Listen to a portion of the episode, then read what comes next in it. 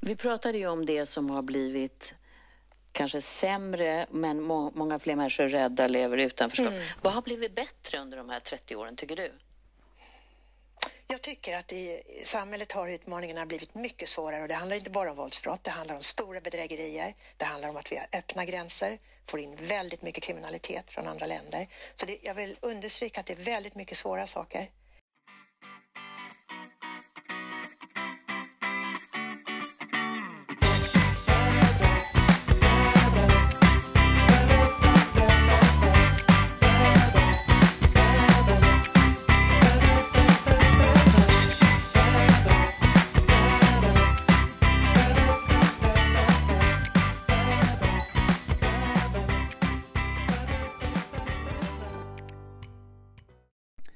Hej alla glada och hjärtligt välkomna ska ni vara till Anomalipodden. Jag heter Thomas Alm och det här är avsnitt nummer 25. Nästa vecka så blir det avsnitt nummer 26 alltså och det betyder ett halvår av poddande. Var tar tiden vägen egentligen? Jag satt och höll på med ett poddavsnitt och det kommer jag faktiskt att fullfölja till eh, nästa vecka, eller nästa avsnitt då, det här halvårsjubileet istället. För att det var en sak som bekymrar mig lite, det har bekymrat mig länge och ibland så kommer det så många saker samtidigt. Jag satt som sagt och höll på med poddavsnittet till den här veckan och så eh, klickade jag in på Expressen.se och så fick jag se det här med Olof Palme då och hans ehm, och hans, eh, det här med att han, ja de ska återuppta nu och de har något spår nu för att ta fast Olof Palmes mördare. Och sen i sam, precis innan det så hade jag sett några, några videos som jag inte var jätteglad över. Jag måste säga det att det var, när jag skulle göra det här avsnittet som jag bestämde mig för att göra så fick jag nästan göra om det några gånger för att jag, jag, alltså jag, jag höjde rösten, jag liksom, nej det går nästan inte, alltså jag, det här var fruktansvärt. Alltså, jag vet att det anses så att blir man arg, skriker, höjer rösten så har man fel oftast, eh, oavsett vad man säger.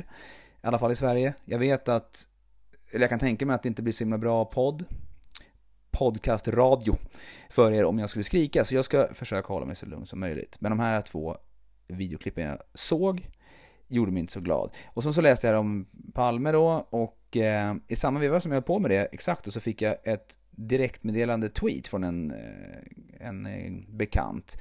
Där det var en, en tidningsartikel. Och det är lite intressant där för att den här bekanta då, han är ju väldigt, väldigt anti Sverigedemokraterna, han är anti allt sånt, han tycker inte att det är så att eh, det är invandrare som eh, begår, att de begår mycket brott och han kan inte alls förstå det här att typ 12 eller 11 procent av befolkningen begår 90 procent av brotten, de grova brotten, men han, han har ingen sånt i sig överhuvudtaget. Så han skickade mig ändå, det var ju en premiumartikel som jag hade faktiskt läst från Expressen. Och jag ska säga det också, i det här poddavsnittet så tar jag från Stats, Sveriges Television, jag tar från Expressen, jag tar från, alltså från Aftonbladet och de här, jag tar ju från vänstermedia nu. Så det här är absolut inte, jag tar inte någonting, jag, liksom, jag går inte in på fria tider och tar ut en, en text, utan det här är från vänstermedia. Och han skickar mig den här artikeln. Och jag tänkte direkt, shit, jag måste ringa honom och fråga vad han tänkte med den här artikeln. För det här var en artikel som var pro en mer sverigedemokratisk, ska jag säga, eh, åsikt eller ja, någon med sverigedemokratiska åsikter när det gäller invandringen. Och då stod det så här, i en premiumartikel eh, på Expressen.se. Och det har varit tiotal mördade och flera skadade i skjutningar i Rinkeby, Tensta, Husby och andra orter runt Järvafältet utanför, ja, väster om Stockholm är det väl då, nordväst. Under de senaste fyra åren och det är massa gängledare. Då står det så här, en premiumartikel, så man kan ju bara se ingressen här då. Fetstilen för de som inte vet. Och då står det 15 av 32 gängledare, alltså nu hälften, som nu står på Stockholmspolisens fokuslista i Operation Rimfrost är födda i Sverige och de andra kom hit som barn. Och bland dem invandrade 14 och 17 för mer än 20 år sedan. I den värsta delen av Stockholms gängkrig, i Rinkebykonflikten, är dessa åtta utpekade ledarna på Rimfrostlistan alla födda i Sverige och deras bakgrund är splittrad.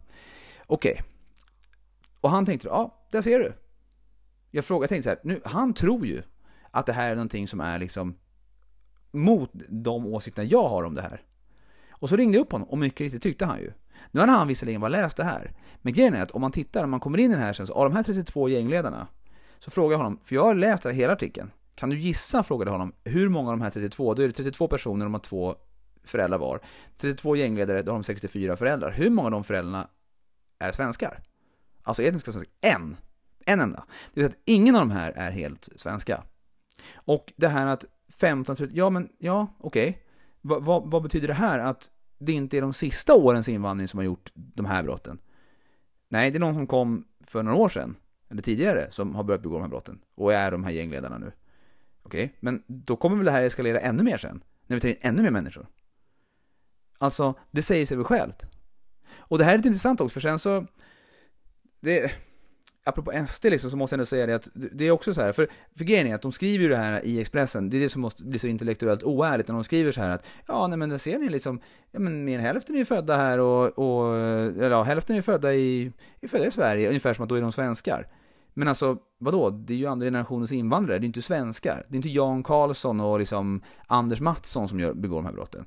Men det får de då låta som, fast egentligen är det här bara ett kvitto på att det, när man läser den här artikeln sen att det här är ett invandrarproblem som vi har. Och det är väl ing, alltså, det är inget konstigt med det, men så är det ju. Sen är det också det, det är lite intressant, för när man pratar om SD så är det väldigt intressant att ja, det har ju inte att göra med någon invandring, att göra med något sånt, men det måste ändå säga det ändå att det verkar som att de säger i Expressen också att män och SD-väljare är intelligentare än andra. Ja, de säger det rakt ut. I klimat på Expressen.se. För då säger de så här. Från den 1 maj kommer en bärkasse i plast kosta mellan 6 och 7 kronor i butikerna. Syftet med prishöjningen är främst att minska nedskräpningen av plast enligt partierna i regeringssamarbetet som drivit igenom den nya skatten. Man bara okej, okay, så att ni tror alltså inte att det är liksom i de här tio floderna i Afrika och Asien som, som eh, där allting där all plast i haven i stort sett kommer ut, utan ni tror att det är svenskarna. Vad gör en normal svensk med sin plastpåse? Jo, de går till någon matvarubutik, de tar sin kasse, de tar hem den och sen använder de som skräppåse och sen så kastar de den. Jag menar, det, det är ju inte så att det är det som kommer att komma ut i haven. Att det här är en idiotisk skatt. Det fattar ju vem som helst att det här är fullständig idioti. Men då är det en SIFO-undersökning som Expressen låtit göra som visar att varannan svensk eh, är positiv till de dyrare påsarna. Medan nästan lika många anser att det är ett dåligt sätt att komma till rätta med miljöproblemen. Det är 49% positiva, 43% eh, negativa. Och 8% saknar uppfattning i frågan, står det här. Det kan, det kan finnas olika skäl till att man tycker pricing är dålig och sådär, än att man struntar i miljön, men det kan också handla om att man tycker att alternativet till plastpåsar är sämre för miljön, vilket det visar sig att det också är då. Men det intressanta då sen med det här, det är att eh, det de säger här nu är så här, sen är det en väldigt stor könsskillnad, säger de, och en politisk skillnad. Kvinnor är överlag mer positiva till skatten på plastpåsar. 60% av kvinnorna anser att prishöjningen är en bra åtgärd, medan 30% är negativa. Motsvarande kvinnor är, eh, siffror för män är 38% positiva och 55% negativa. Där har vi svart på vitt då. Det Expressen säger, inte jag. Expressen säger det att män är intelligentare. SD är också det mest manliga partiet och de eh, är mest negativa till skatten på plastpåsar. Män mellan 30 och 49 år, personer som röstar på Sverigedemokraterna. Okay. 66 procent. Det betyder att de är intelligentare då. Ah, ja, skitsamma. Det är i alla fall vad de säger i Expressen. För det måste vara det det betyder. Eftersom att det är en idiotisk skatt och det fattar ju vem som helst att det är fullständigt vansinne. Men det här fick ju mig då när han, när han, vi pratade lite grann om det här och det här problemen vi har. Och jag tänkte nog att, sen var det de här två videorna jag sett, jag tänkte först inte, men, men vi, vi kör. Jag, vi ska börja med en video. Eh, ni kommer få höra ljudet från den, den är kort. Så kommer ni få höra det här ljudet, se om ni kan, ja, om ni kan hänga med på vad som händer eh, i den här första videon då.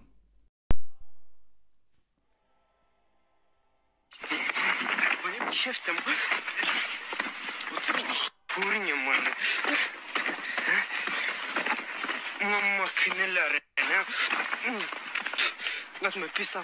Åh, oh, mamma snäll. Vad gör du? Vill du Varför lagar du mig? Du får inte mina pengar. Du får inte mina pengar. Du får inte mina pengar.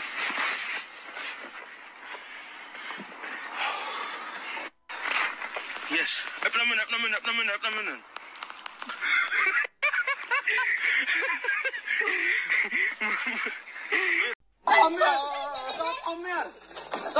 Döda henne! Döda henne!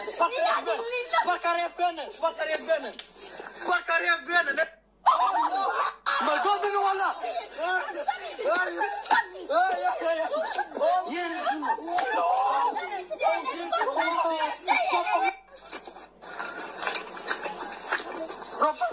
Fucking bitches mannen! Aina bror, aina bror! Bitches, bitches! Ej, ej, ej!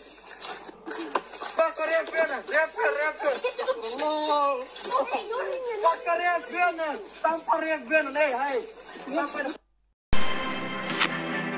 Kraftig ökning av rånen mot unga. Vad är förklaringen bakom? Hör kriminologen Felipe Estrada, ex-polisen Mustafa Panshiri och ex-kriminelle Jakob Freiman. Ja, vi ska börja Agenda med den senaste tidens intensiva diskussion om ungdomsrån. Enligt färska siffror från Brottsförebyggande rådet så har antalet anmälda rån mot unga under 18 år fördubblats mellan 2016 och 2019. I flera uppmärksammade fall har dessutom gärningsmännen misshandlat och förnedrat sina offer. Ett av de här fallen har SVT berättat om i veckan. Det handlar om Liam som rånades på väg hem i december förra året. Så här lät det i Aktuellt häromdagen. Bakom den här kyrkan blir jag först misshandlad eh, och får främst slag i bakhuvudet och min rygg. Eh, sedan väljer en av killarna att eh, urinera på mig och filma detta medan de eh, säger saker som jävla svenne, mamma knullare, horunge. Jag hade aldrig trott att min son skulle göra något sånt, säger mamman. Aldrig någonsin.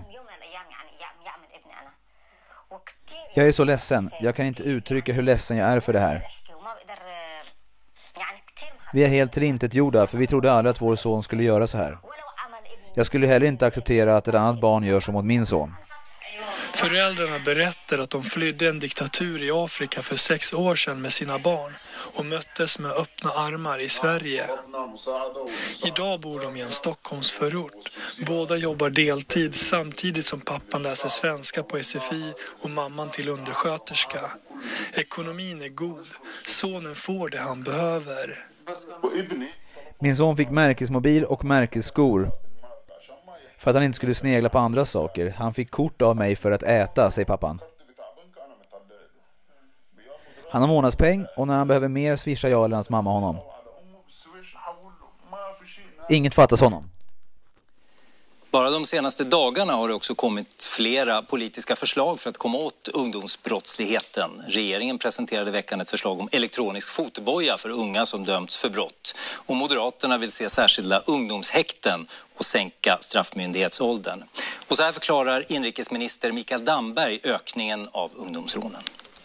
Det är uppenbart att det finns en total brist på moraluppfattning här där, där unga människor, de unga killarna kan begå nästan hur vidriga eh, liksom åtgärder mot andra ungdomar som helst. Och det är ju någonting som, som brister i föräldrarollen eh, men också för att, att samhället inte ingriper tillräckligt tidigt mot de här unga som är på väg i en kriminell karriär. Det måste ske tydliga eh, reaktioner snabbt. För nu har vi ju tre stycken experter som de har tagit in som ska berätta vad det här beror på och så där. De är insatta i det här. Så att vi lyssnar vidare på Agenda. Och då har vi tre gäster här. Felipe Estrada Dörner som är professor i kriminologi vid Stockholms universitet och som länge forskat om utvecklingen av ungdomsvåld och ungdomsbrottslighet. Jakob Freiman eh, som idag jobbar med unga kriminella inom Unga Kris i Södertälje och som också har en bakgrund som kriminell bakom sig. Och Mustafa Panshiri, för detta polis som nu föreläser bland annat om integrationsfrågor på skolor runt om i Sverige. Välkomna hit alla tre. Tack. Tack. Eh, Filippe Estrada Dörner, om jag börjar med dig. Ungdomsrånen ökar alltså eh, kraftigt sedan några år tillbaka. Vad beror det på? Ja, eh, egentligen så är det ju ännu värre än det vi ser i den här anmälda statistiken därför att eh, de flesta brott som ungdomarna råkar ut för, de blir aldrig polisanmälda. Och det vet vi utifrån de undersökningar vi gör där vi frågar ungdomarna om deras erfarenhet av att utsättas för brott. Eh, även rån alltså? Även rån. Eh, så att de flesta rån eh, blir inte anmälda för att ungdomarna inte har förtroende för rättsväsendet, inte vågar anmäla och så vidare. Och så här har det sett ut sen vi började göra den här typen av undersökningar. Den möjligtvis då något mer positiva nyheten i så fall är när vi tittar på de här undersökningarna över tid på vad ungdomarna säger så ser vi inte den här dramatiska ökningen som vi ser av anmälda brott. Så att det finns ett, fortfarande ett stort mörkertal.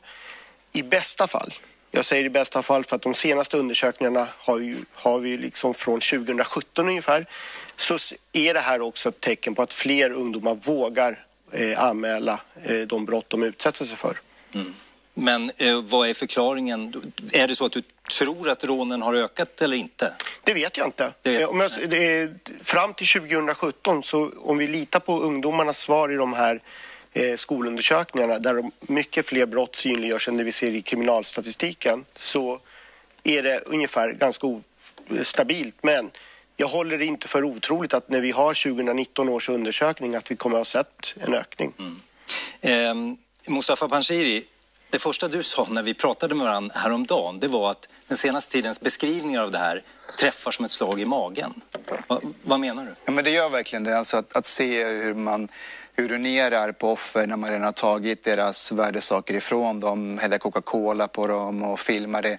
det. Det känns verkligen och det här är barn och ungdomar som kommer vara traumatiserade under en lång tid eh, framöver. Vad handlar det där om då? Alltså det är svårt att sätta fingret på men någonting man inte kan komma undan är att det finns en ganska tydlig etnisk aspekt här. Alltså de här killarna de letar aktivt efter svenskar att ge sig på. De här killarna, du menar att det handlar om eh, folk med invandrarbakgrund som är rånarna då eller? Ja, och det är ingenting jag säger utan eh, Karin Götblad, eh, polischefen har varit ute och sagt det och om man lyssnar på Katarina Gunnarssons eh, studie, ett reportage så säger hon det ganska tydligt att många kommer från våra utsatta områden. Eh, så det, det, det är liksom ganska tydligt. Eh, sen vad det handlar om, varför man gör det, det får man göra mer studier på. Eh, men det finns, det gjordes en studie redan 2005 vid Lunds universitet där man intervjuade 11 pojkar med eh, utländsk bakgrund som rånade andra barn. Och de här pojkarna sa väldigt tydligt i studien att vi är ute efter svenskar. Ehm, att se svenskar ligga på marken och kyssa våra fötter, det ger oss makt. Eh, och så avslutar man med att ehm, eh, svenskar är väldigt mesiga, de gör inget motstånd när man tar ifrån dem deras värdesaker. Och det är ganska intressant därför att om man spinner vidare på det här så Eh, Det behöver inte vara att det är rasism som är huvudorsaken här utan de här killarna eller gärningsmännen letade också, letade också efter personer som de vet inte har ett våldskapital att hämnas tillbaka med. Alltså de tillhör inte några klanstrukturer, stora släkt, kusiner som kan ge tillbaka. Nej, oftast är det ju svenskar. Ehm, så det kan också absolut vara en, en, en förklaring. Men man vet också att staten har inte heller kapacitet att hjälpa brottsoffren eller sätta dit förövarna. Mustafa Panshir är ju intressant för han verkar vara en jäkligt schysst kille. Han är afghan, han jobbar med många, främst tror jag med afghaner. Jag har hört någon sån här förut, sett något klipp när han pratar med afghanska grabbar och försöker liksom snacka med några och försöker, så att, han försöker få så många, tala så många till rätta som möjligt och försöker verkligen göra en skillnad. Men han säger det att redan 2005 så gjordes det en studie vid Lunds universitet med 11 stycken ungdomar som rånar andra ungdomar och barn. Så här, men en studie, gjorde de en studie då där de, för det var då de här då 11 då sa att ja, men vi tar ju de som inte har ett våldskapital, det vill säga inga klanstrukturer, ingen stor släkt, ingen som kan hämnas. Och det är då svenskarna. Allt som oftast då, eller ja, i stort sett hela tiden. Och då var det så här, men gjorde ni en studie då, okej. Men den här studien gjordes i Lund innan ni skickade hem dem då, skulle man ju kunna säga då i en vettig värld. Eh, men nej, nej, nej, så är det absolut Det blir en ungdomsvård, de kommer ut i stort sett direkt och det här fortsätter ju bara. Eh, det fortsätter ju bara om och om igen. Men, eh, ja, men vi kan väl höra nu för det blir ju, jag tycker att det blir mer intressant här. Det kommer ju mer här nu i, i Agenda här. Så vi fortsätter lyssna på det här på Agenda och se vad, vad mer de har att säga. Felipe Estrada Dörner, vad säger du om, om bilden vi får från Mustafa Panshiri här? Om, om en, en slags eh, ja, om invandrarkillar från utsatta områden som letar efter svenskar att ge sig på. Mm. Nej, men den har vi hört eh, redan 2000 års rapport från Brå eh, visade att eh, sådana här inslag eh, fanns. Att det handlar om ungdomar som kommer från våra mest socialt utsatta områden eh, som eh, i större utsträckning begick den här typen av brott. Tyvärr så har vi fått en eh, ojämlikhet i Sverige som baserar sig på, såväl på klass som etnicitet. Så att det är i sig inte så överraskande. Sen så tror jag att eh, jag likväl som de flesta andra forskare, ni hade Niklas Långström eh, i Aktuellt-studion som uttryckte det här väldigt bra häromdagen bara om att den etniska faktorn för att förstå varför en väldigt liten grupp begår så här grova brott, den får inte särskilt starkt stöd i, i forskningen. Varför inte då? Var, varför Därför spelar den det inte så stor roll?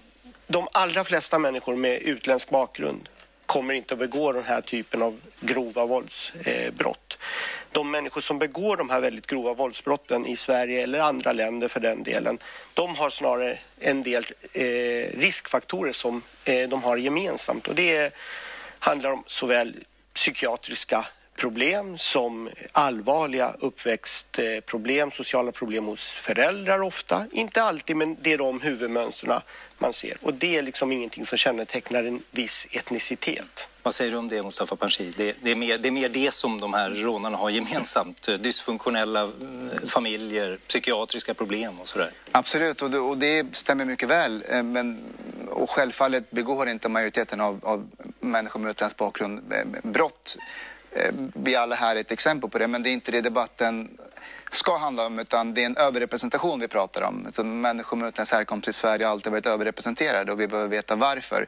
Jag har under åren alltid pratat om sexualbrotten, eh, eh, till exempel våldtäkter av pojkar utförda av andra pojkar som vi inte haft i Sverige sedan tidigare. Det finns inga rapporter om det. Och där har mina landsmän varit överrepresenterade, eh, vilket jag har varit väldigt ärlig med om, och pratat om att det, det, finns ett sådant fenomen i mitt hemland som har kommit med eh, människor från det landet till Sverige. Och det gäller att vara helt tydlig med det för att inte dra alla över en kam. Men frågan är vad ska man då göra för att bryta den här? Du jobbar med unga eh, kriminella. Eh, vad är din... Eh, vad ska man göra? Ah, nej, men alltså detta är ju alltså, alltså brottsoffer och, och allting. Alltså man måste ju ner i åldrarna och, eh, och bryta dessa mönster som sagt och titta på på, på hur, ser, hur, ser det ut hemma och eh, alla, alla, alla måste ju samarbeta och sånt här. Och, eh, ner i åldrarna, vad ja, du då? Åldrarna, hur, hur, tidigt då? Väldigt tidigt, alltså redan börja på, på dagis och sånt där. Liksom, kolla om det är något som är dysfunktionellt hemma och sånt här. Liksom. Och vad ska kolla... samhället göra då? Nej, men man, man, man får så man får ju jobba med, med dessa barn och hela familjen. Alltså kolla hur står det till hemma så de är trygga de här barnen. Så jag tror mycket på det här liksom att om, om barnen är trygga så kanske det inte finns lika mycket chans att de hamnar utanför. Sen när de kommer lite äldre upp i, att någonstans att de hela tiden det här att, att den här känslan att de, de ställer sig, att de är ute, hamnar utanför samhället istället att bryta det där liksom. För att det är då det börjar bli farligt när de, när de ställer sig utanför helt och hållet. Att ja, men får jag inte vara en del av samhället och ställer mig utanför istället. Man måste bryta det där. Hitta vägar in ja. i samhället för dem. Mustafa Panshiri, vad är din? Jag har varit ute och föreläst de senaste fyra åren, varit över 250 kommuner och dagligen träffat nyanlända, andra generationens invandrare och många infödda svenskar. När jag frågar många med utländsk bakgrund om så här, vi, vi kommer alltid in på de här ämnena. Vad är, den, vad är liksom den sanktionen som rättsväsendet kan ge som, som skrämmer mest? Då pratar alla om utvisning. Utvisning skrämmer mest. Eh, dels av två orsaker. Man har förverkat sin chans att vara i Sverige, inte kan bygga sig en framtid där. Men också att man åker tillbaka till landet och skäms inför släktingar, klan för varför man blivit utvisad. Fast det här är ju ofta ungar som är födda i yes, Sverige. Och jag skulle komma till det. Och när jag ställer den frågan, vi kan ju inte utvisa svenska medborgare, då kommer oftast frågan till, det måste komma sociala sanktioner. Alltså komma åt familjer inifrån. Det här är vad de säger till mig, ingenting som jag förespråkar.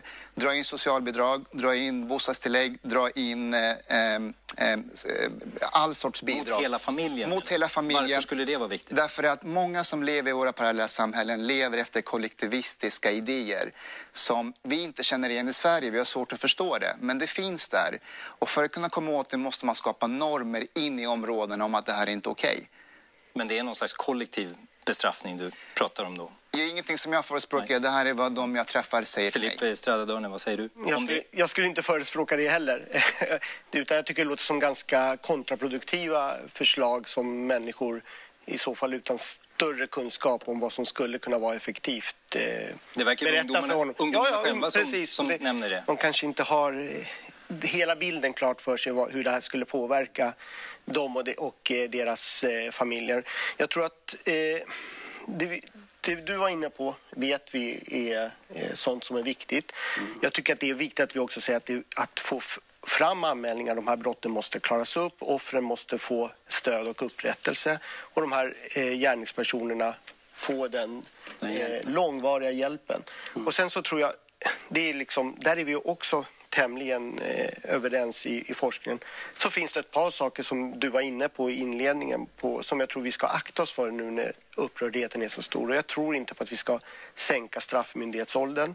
Man provade det i Danmark och gick tillbaka för det hade inte de avsedda effekterna. Det ökade ungdomsbrottsligheten och minskade ungdomarnas chans. En del hävdar att då skulle man ändå få bort dem ja. från gatan och få bort dem från sina offer och så.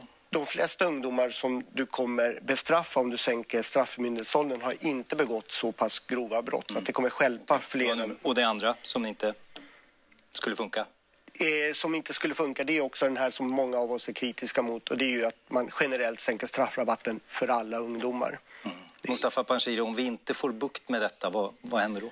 Alltså, det här håller på att eskalera och det har redan eskalerat och tar inte vi tag i det här problemet just nu så inom en snar framtid kommer vi se etniska svenskar starta medborgargarder och så kommer man ge sig på Eh, förövarna och bryta armen på dem och deras familjemedlemmar. Och då kommer inte gemene svensk på, på gatan bry sig särskilt mycket om det.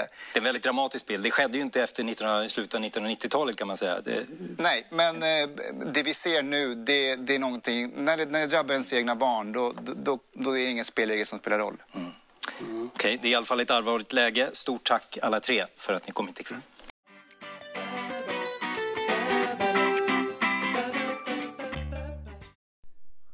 Om ni vill att jag ska fortsätta göra Anomalipodden så får ni jättegärna hjälpa mig genom att donera lite pengar till mig och podden via Swish eller Patreon. Länkarna finns längst upp till höger på min hemsida www.tomasalm.com. Swishnumret är 076 338 3333 076 338 3333 Både swishnumret finns och Patreon-länken finns alltså längst upp till höger på www.tomasalm.com. Jag vill också ge stort tack till er som redan har bidragit. Ni hjälper mig att ha en möjlighet att fortsätta göra Anomalipodden. Stort tack!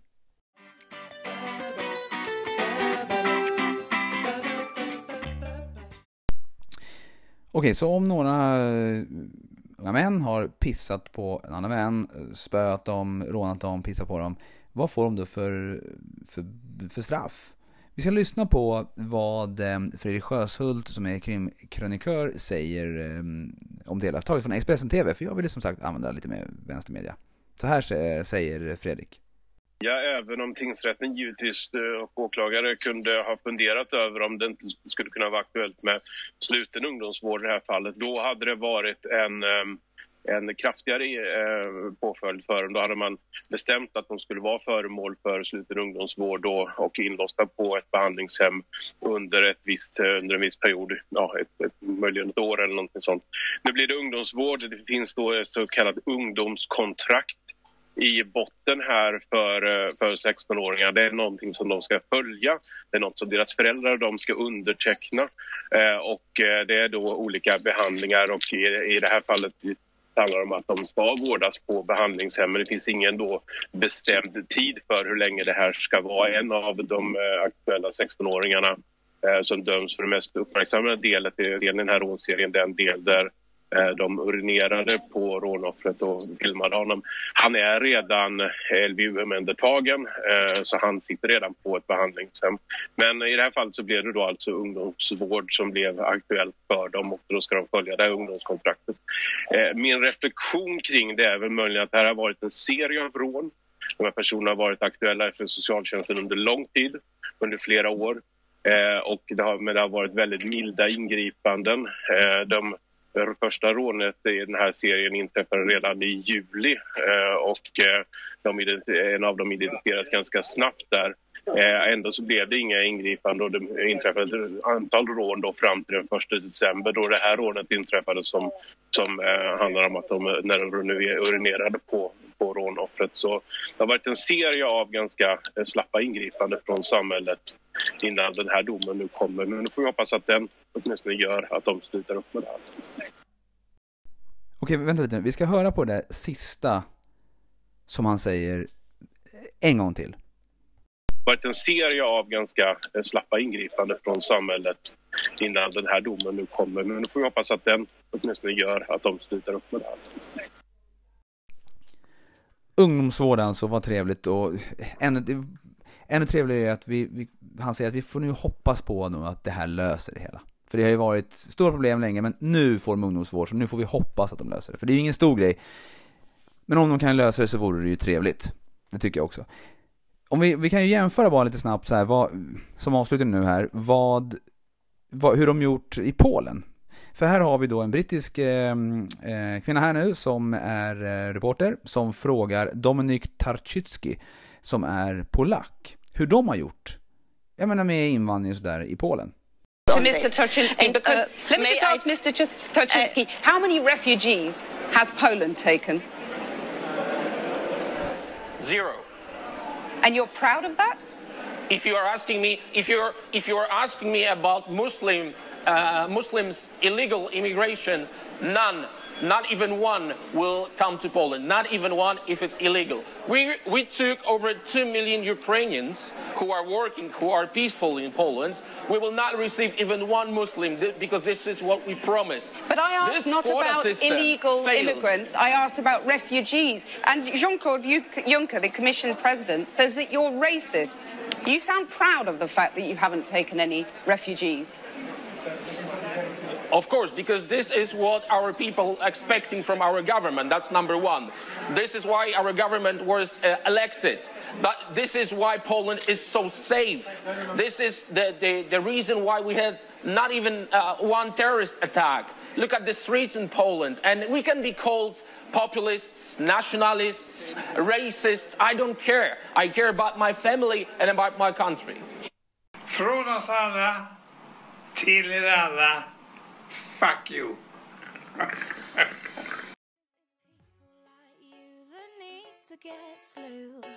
No one wants your opinion.